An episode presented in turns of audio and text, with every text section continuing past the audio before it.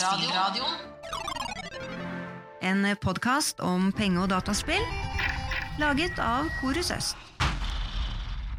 Om vi tar for oss ett av hovedmålene i regjeringens handlingsplan mot spilleproblemer, så står det at kunnskap om spill og spilleproblemer skal økes og deles. Dette er et sentralt felt for oss som jobber på Korus Øst og vi som lager spill i radioen, Eh, og i dag skal vi se spesielt på ett eh, satsingsområde som vi jobber med i den sammenheng, nemlig spillstudie, forståelse og tiltakskompetanse. Dette er da et studie som arrangeres eh, i eh, samarbeid med Høgskolen Innlandet, og eh, det er jo nå åpent for eh, påmelding for eh, nye studenter på årets kull. Derfor vier vi denne episoden til spillstudiet og gir en grundig beskrivelse og forklaring av hva dette her er for noe.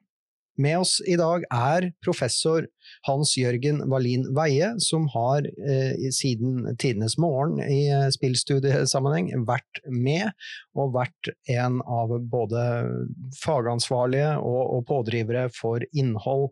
Ja, Hans Jørgen, når er det dette her egentlig startet? Vi startet med planleggingen en gang rundt 2005, og så ble de første studiesamlingene startet i 2006. Det startet med pengespill. Det var et omfattende problem med pengespill. Vi hadde plassert ut automater veldig mange steder i Norge, og det var veldig mange som utviklet store problemer med pengespill. Det var fokus til å begynne med. Men rett etter at det starter, så begynner vi å få de første online-dataspillene. Og det er en ny type problematikk. Dette er jo underholdningsspill. Det er ikke pengespill. Men vi utvikler også mye avhengighet i forhold til det. Eh, pengespillene de eksisterte ved siden av, og det var til å begynne med fokuset. Vi har lange tradisjoner for pengespill. Det er masse forskjellige spill som på en måte gjorde at folk ødela økonomien sin. Den første som kom inn, var Hallgeir Brunmoen, som hadde skrevet flere bøker som var rettet mot uh, rusproblematikk, og hvordan man kunne behandle rusproblematikk. Vanen, viljen og valget var en av disse bøkene. De fikk et ganske stor utbredelse av veldig mange som brukte dem, og han jobbet også opp mot kriminalomsorgens uh, kurssenter eh, for å utvikle ulike programmer for å behandle rus, rus og avhengighetsproblemer. Så jeg har vært med da i ett år, Hans Jørgen har vært med i 15 år, dvs. Si alle år. Eh, Stian, hvor lenge har du vært med, og hvem er det som søker? Du, jeg har vært med ca. gjennomsnittet av dere, da, sånn seks-syv år-aktig. Eh, vi har jo sett en ganske bred ja, hva skal man si, Det er ganske stor spredning i feltet når det gjelder hvem som søker. Altså fordi Studiet er jo til for alle de som ønsker å lære mer om pengespillproblemer og problemskapende dataspilling. Så vi henvender oss eh, ganske bredt, da. Altså både til personer innenfor eh, helse, sosial, eh, skolesektoren. Så det er lærere, det er folk fra spesialisthelsetjenesten, det er fra politiet. Så det er ganske stor spredning i, i feltet. Hvor omfattende er studiet? Det er jo på 15 studiopoeng hvis man velger å ta eksamen. Eh, Men det er, eh, det er jo lagt opp undervisning eh, på et semester. Og så er det litt sånn variasjon. Altså det er noe av læringen, eller mesteparten av læringen, skjer i en undervisningsportal. Der studentene selv ja, bestemmer tempo og hvilke temaer de vil vektlegge mest. Og så er det to samlinger av to dager hvor, er, eh, ja, hvor man møter kursholdere, hvor man møter forelesere, hvor man møter medstudenter, og man jobber litt mer intensivt med, med faget og oppgaver. Eh, Og som absolutt er et høydepunkt også for oss som er involvert i studiet, og en veldig fin måte å holde seg oppdatert på det som rører seg i, i praksisfeltet, og som gjør at vi også holder oss oppdaterte. Da. Så det er en stor gevinst for oss å være med og eh, arrangere det og også for studentenes del å møte andre som kan være i tilsvarende stillinger eller andre stillinger, for å på en måte få ja, utveksle, utveksle, erfaringer og råd og, og tips. Da. Mm. Er det noen utdanningskrav for å få være med, Hans Jørgen? Ja, det, er det, det vanlige kravet er jo det at man har en tilsvarende minst en bachelorutdanning. Men samtidig så er det åpent også for folk som har eh, brukererfaring, eller som tilhører ulike typer organisasjoner. Dette går jo på eksamenskrav og sånt. Da. Og det er en del som bruker det som er høyt utdannet, f.eks. som er leger eller psykologer, som bruker det opp mot sin spesialistkompetanse. Men Iris, siden du var med for første gang i fjor, det hadde vært veldig interessant å høre litt mer om ditt inntrykk av, av å delta. Altså, hva syns du om uh, studiet, og hva var ditt inntrykk av hva studentene fikk ut av det? Jeg syns det var utrolig gøy, og jeg ble jo litt misunnelig på studentene for at jeg ikke selv har fortatt det en gang tidligere. Eh, og jeg merka at det var veldig stor spredning eh, på hvilken bakgrunn man har, og at det var kjempegøy med diskusjoner på tvers. Eh, Spilleavhengighet Norge hadde mange som var med, mange med brukererfaring. Eh, og det var psykologer med, og det var mange ulike profesjoner som jobba fra Nav eller fra andre, andre sektorer. Eh, å høre hvordan de eh, tenker ulikt, eh, var kjempespennende. Og så er det veldig intenst. da. Det er fire dager, som du sier. Det er to ganger to dager. Eh, med masse forelesninger, masse faglig påfyll, og veldig spennende. Og veldig gode diskusjoner og uformelt eh, etterpå. Så det var, eh, var, en drøm å få være med, altså. Være med på. Det syns jeg. Vi utvikler jo på en måte også et faglig nettverk ved hjelp av, av studiet. Og dette nettverket har veldig mange av de som har gått der, hatt stor nytte av. Så vi utvikler på en måte fagkunnskapen nasjonalt og sørger for at folk knytter kontakter. Og vi glemte en gruppe når vi snakket om hvem som søkte på studiet, og det er økonomer og folk som jobber med økonomisk rådgivning. Vi har hatt, ikke så veldig mange, men vi har hatt noen av den bakgrunnen også, som jobber innenfor bank eller finansinstitusjoner osv. med rådgivning. De er utenfor det vanlige offentlige hjelpeapparatet, men de jobber i private sammenhenger. Og personalansatte, det har vi også hatt noen av. De siste syv årene, Stian, de årene du har vært med, føler du at dataspill har fått stadig større plass? Ja, det har i hvert fall ikke fått mindre plass. Det hadde vel allerede begynt å få litt sånn likeverdig fokus som eh, pengespill.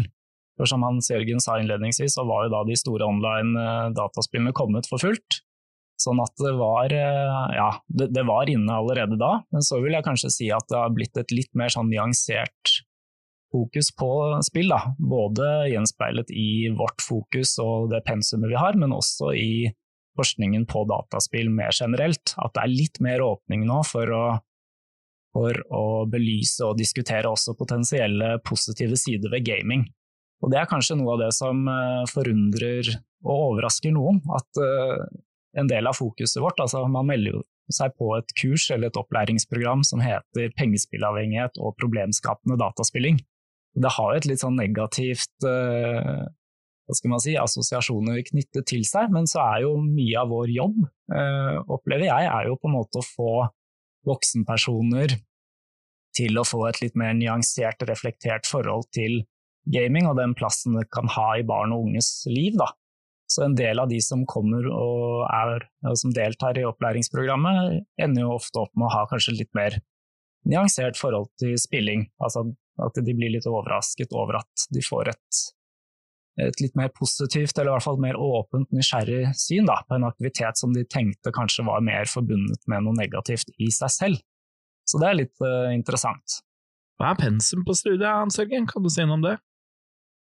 Ja, det er eh, oppdatert faglitteratur, uh, og fra et veldig bredt spekter. Så har vi utviklet vår egen lærebok også, og Det har vært en del av fagutviklingen ved studiet, og der er det til dels også inne kapitler fra folk som har gått på studiet. Eh, de oppgavene som skrives av de som går på studiet, de har vist seg, mange av dem, å holde veldig høy kvalitet. Og Det har vært viktige bidrag inn i den faglige utviklingen eh, innenfor yrkesfeltet, men også noe som vi har formidlet videre. Og så er jo også mulighetene veldig vide med tanke på å fordype seg i tematikker og problemstillinger som man selv ønsker. Vi er jo veldig opptatt av at eh, den oppgaven man ender opp med å skrive, har størst mulig overføringsverdi med tanke på den situasjonen man er i arbeidet. Da. Altså at dette er noe, eh, noe matnyttig, rett og slett. Så så lenge det er metodisk gjennomførbart og etisk forsvarlig, så vil jo vi prøve å, å backe de studentene lengst mulig da, i å fordype seg i de interessene de har. Og det kan jeg støtte veldig, både som veileder og, og sensor eh, på oppgaver i fjor. At eh, det var ingen jeg sa, uh, sa, til at det temaet uh, du har lyst til å skrive om, er ikke relevant å skrive om. Mm. Det var noen som har måttet spare litt med om hvor stort og hvor omfattende skal vi gjøre det, og hvilken vinkling skal vi ha.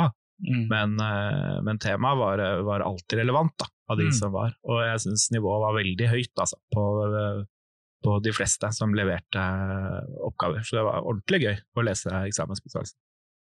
Og jeg ser jo også at jeg får kontakt med tidligere studenter som tar kontakt, fordi at de jobber videre med faglige problemstillinger som er knyttet opp mot studiet. Eh, og jeg fikk eh, senest i, nå for en måned siden kontakt med en som gikk på studiet for over ti år siden, og som nå tar kontakt, og som vedvarende har jobbet med, med problemstillinger som er knyttet da, til pengespill. Og den kontakten både med, mellom studentene og, og, de som foreleser òg, er jo kjempeviktig. For de som foreleser er jo veldig mange av de ledende på feltet, mm. i Norge i hvert fall. Mm. Men Niri, du har jo alltid vært interessert i læring og spill. Og du kom jo inn uh, i spillstudiet med et, uh, med et, lite brak. Du hadde jo med deg noe egetutviklet uh, pedagogisk materiale på lur. Fortell. Det ble et brettspill. Jeg er veldig glad i å drive med kombinere spill og læring. så det har jeg gjort på mange studier før. men nå fikk jeg muligheten til å bruke mye mer tid på det enn jeg har gjort før, og fått masse kompetanse fra folk rundt meg eh, som har bidratt inn, så det ble eh, metaspillet. Man kan bestille gratis fra Korus Øst sine nettsider, eh, som jeg er kjempestolt av å ha fått på plass. Og det er på en måte lettversjonen av studiet, da. Det er veldig mange temaer som er tatt derfra. Og vi jobba også med noen memory-oppgaver, eh, som vi brukte aktivt i forelesninger, altså sånn husketeknikker, da, for at man skal sitte igjen med noe. Så får man jo spørre de som var studenter i fjor hvor godt det fungerte. Da. Ja, man må vel bare melde seg på for å, for å finne ut av det. Tror det, altså. Noe jeg satte veldig stor pris på i fjor, det var jo at jeg fikk sett så mange forskjellige forelesere. Eh, og at det var eh, noen egne forelesninger fra Hans Jørgen og fra oss på Korus Vest, men det var også veldig mange, mange andre som eh, besøkte oss. Og hvem er de, Hans Jørgen? Hvem er det vi inviterer inn på samlingene? Ja, Vi inviterer inn de som er ledende forskere på feltet, og det vil jo være, eller som er, opptatt, er eh, engasjert i samfunnsdebatten rundt spill. Det betyr at det er en veldig stor spennvidde på hvem vi inviterer, og at det vil variere litt over tid hvem det er. Eh, det kan være folk som har brukererfaring, det er folk som har forskererfaring, og det er folk som jobber klinisk i ulike typer sammenhenger. Og vi rekrutterer ikke bare fra Norge, vi tenker også i forhold til, rekrutterer også fra andre nordiske land. Vi har hatt forelesere både fra Sverige og vi har hatt forelesere fra Danmark som har kommet inn på studiet. Eh, vi legger stor vekt på å få inn internasjonale erfaringer. Eh, mange av de som kommer inn har omfattende internasjonal publisering bak seg, og er ledende også internasjonalt på forskning på feltet. Men brukererfaringen er også viktig for oss. Og det er viktig for oss å få med kjønnsperspektivet, slik at vi ikke bare ser på, ser på menns- eller gutters spill. Vi har invitert spillpikene inn og hatt uh, ulike grupper som har jobbet spesielt med jenteproblematikk, men også de som har jobbet med spill i forhold til opplæring, og hvordan spill kan brukes positivt. Dette er jo noe av det som er utfordringen i skolen. Skolen de bruker spill pedagogisk, og samtidig så har de spill som et, som et problem. Eh, det brukes opplæringsmessig, men det er også noen som, som eh, går inn i en eh, hva skal vi kalle det for noe, en slags skjev utvikling, hvor spill på en måte hindrer sosial aktivitet og fører til at de isolerer seg. Dette betyr også at vi har en kobling over mot psykiatri og mentale lidelser og type, andre typer problemer.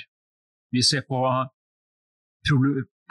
på folk som har problemer med spill, men som også har rusproblemer. Og vi ser på kombinasjonen mot, uh, mot ulike, ulike, psykiske lidelser. Det er noe vi begynner å se på nå, som vi egentlig ikke har hatt så mye inne. Så er det jo hvordan spillfeltet har kontaktflater over mot, uh, mot investeringer som løper løpsk, f.eks. sånn som på short trading. Vi har sett en utvikling mot at det er en økende problematikk som er knyttet til investeringer. Eh, og det er lettere i dag enn det noen gang har vært pga. den tekniske utviklingen, hvor man kan bruke, man kan investere over eh, sin egen mobiltelefon for den saks skyld. Når vi begynte med disse studiene, så var, eh, var ikke det en problematikk i det hele tatt. Da var det direkte spill på travbanen, og det var direkte spill på kuponger på på tipping, og det var spill på automater osv. I dag så er det noe helt annet. Vi er nødt til å oppdatere oss hele tiden på det. Personlig syns jeg jo særlig den behandlerperspektivet var meget nyttig. Da. Eh, det er noe jeg som med forskerbakgrunn kan mye mindre om. Da. Hva har du lært mest da, Stian? Det er nok kanskje som deg, behandlerperspektivet, altså de kliniske erfaringene. Det er nok det, fordi ja, jeg kommer fra akademia og har sett mer på hva skal man si, normalgaming. Altså ikke de som har et behandlingskrevende forhold til spilling. Eh, og jeg, det er jo en viktig utfordring for studiet at vi klarer å belyse spilling som en sånn normal eh, normal hobby, rett og slett. Både gaming og gambling, men selvfølgelig også klare å belyse de som har problemer eh, som på et eller annet vis kan knyttes til, til spilling. Og der er det også en slags arbeidsdeling mellom de to samlingene som vi har på spillstudiet. Hvor den første er ja, ganske bred tematisk, det er litt sånn fugleperspektivet. Hvor vi tar eh, alt fra kulturhistorien rundt spill til Eh, ja, eh, vi snakker om monopolet, altså spillemonopolet. Vi snakker om dataspillenes utvikling. Vi snakker om ja, gutter og jenters ulike forhold til spilling, så det blir litt sånn ulike innfall, innfallsvinkler til spilling, mens den andre samlingen er mer behandlerperspektivet, eller altså de som ja, de som står og de som møter de som har et behandlingskrevende forhold til spill, og vi får også møte på enkelte samlingene så har vi også hatt inne de som har eh, hatt egne problemer, som snakker om, om den tida, eh, hvordan de kom opp i problemene, og hvordan de også på en måte jobber eller har kommet seg ut av det. Og det er veldig, veldig verdifulle erfaringer, og det er kanskje noe av det som de, de som er og deltar også setter stor pris på, eh, å høre disse personlige fortellingene, da. Enten det gjelder pengespill eller dataspill. Så det er den, den variasjonen som, eh, som, jeg tenker gjør spillstudiet og disse samlingene spesielt verdifulle. Vi ser jo også på hvordan bruk av spill kan påvirke annen atferd. Eh, F.eks. I forhold til vold. Det er jo en problematikk som det har vært omfattende diskusjon om rent faglig og hvordan det kan påvirke evnen til å holde en normal døgnrytme f.eks. Dette er problematikk som er viktig i skolen, eller kan gjøre at man eh, distraheres i forhold til andre oppgaver, eh, når man egentlig skal konsentrere seg om helt andre ting, f.eks. skolearbeid. Ja, Noe annet som er fascinerende, er jo den utviklingen som er fra år til år. Da. Eh, og hvor mye Hvor store endringer Eh, f.eks. politiske vedtak kan få. Da. Så da først seddelforbudene, og at så uh, spilleautomatene ble helt borte fra 2007, førte jo til kjempeendringer uh, i som, hvor mange som trengte behandling, og hva de trengte behandling for. Og sånne endringer har det jo vært hele veien. Uh, når du fikk online rollespill, begynte å bli en stor greie. Det er ikke mange som snakker om World of Warcraft nå, nå har du andre spill som vil mer igjen, og det gjør at man hele tiden må være faglig oppdatert. Da. Dette er jo et studie hvor jeg føler at de som foreleser, lærer like mye fra studentene som, eh, som studentene lærer fra foreleserne, eh, nesten.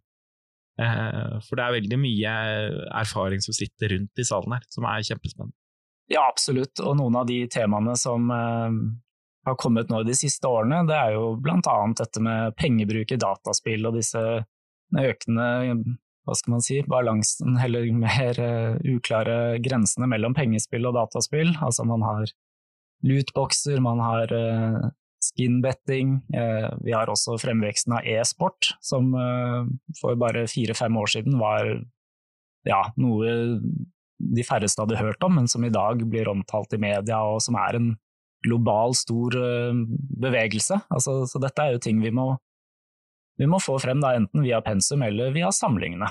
Og som studentene også selvfølgelig kan velge å fordype seg ytterligere i. Nå er det jo ikke lenger bare et barn- og ungdomsfenomen. Det har vart så lenge at dette har blitt en del av voksenkulturen også. Og nå får jeg til og med, til og med høre at dette er en problematikk på sykehjem og i forhold til eldre. Eh, gaming har kommet inn liksom på tvers av generasjoner, men det er litt ulike spill på ulike generasjoner. Eh, ungdom har nok lettere for å fange opp de nye spillene, men eh, en del av de gamle har liksom bevart sin posisjon. Og de har, eh, har nå fortsetter, bruke, fortsetter, man å bruke det, selv om man begynner å bli godt voksen. Ja, absolutt, og det, det, kan vi jo se på oss selv, i hvert fall noen av oss som er med i spillstudiet også. at Vi har jo gamet siden vi var små selv, og viderefører uh, den hobbyen nå. Det vil si, når vi har tid, så er gaming noe vi gjerne gjør, på lik linje som man kan nyte en god bok eller se en god TV-serie, så er det det å spille et spill, det kan være absolutt kvalitetstid. Og også hvis man har barn, å spille sammen med dem på lik linje som man kan gjøre andre aktiviteter. Så det er, eh, selv om det fremdeles er en jobb å gjøre med foreldre og deres ja, hva skal man si, interesse og engasjement for spilling, så er det, det er kanskje ikke den samme generasjonskløften lenger, da, i og med at dagens foreldre er oppvokst med dataspill. Så sånn sett så er det ikke noe, det er ikke noe helt ukjent for dem, da, selv om spillmediet har jo selvfølgelig forandret seg betraktelig. Så en viss avstand mellom barn og foreldre vil det vel alltid være og at man alltid vil være litt bekymret på vegne av barne- og ungdomsgenerasjonen. Det er vel kanskje noe som ligger der fra naturens side, men eh, avstanden er kanskje ikke så stor som den en gang var. Men målt i timer så tror jeg jo gaming er den desidert største fritidsinteressen som barn og unge har i dag. Altså Sammenligner du med timer brukt på gaming med timer brukt på fotball eller håndball eller ski eller andre ting. Uh, og vi ser jo fra barn med undersøkelser f.eks. at det er jo noe som foreldre ofte engasjerer seg ganske lite i, men er mye bekymret for. Da. Og vi håper jo med dette studiet at vi er med på å spre mye kunnskap, da, og at det gjør en dialog mye enklere. Eh, studiet tar inn nye søkere hvert år. Eh, vi pleier å ligge på en rundt 50 eh, studenter. Eh, og da gjenstår det bare å oppfordre alle til å søke. Eh, har dere spørsmål, eh, så er det bare å kontakte oss fra Kores Øst eller Hans Jørgen Berlin Veie. Ønsker du mer informasjon om vårt arbeid knyttet til spillproblematikk? Besøk våre nettsider www.rus-ost.no. Takk for at du lyttet til denne episoden. Teknisk ansvarlig Magnus Eidem ved Korus Øst.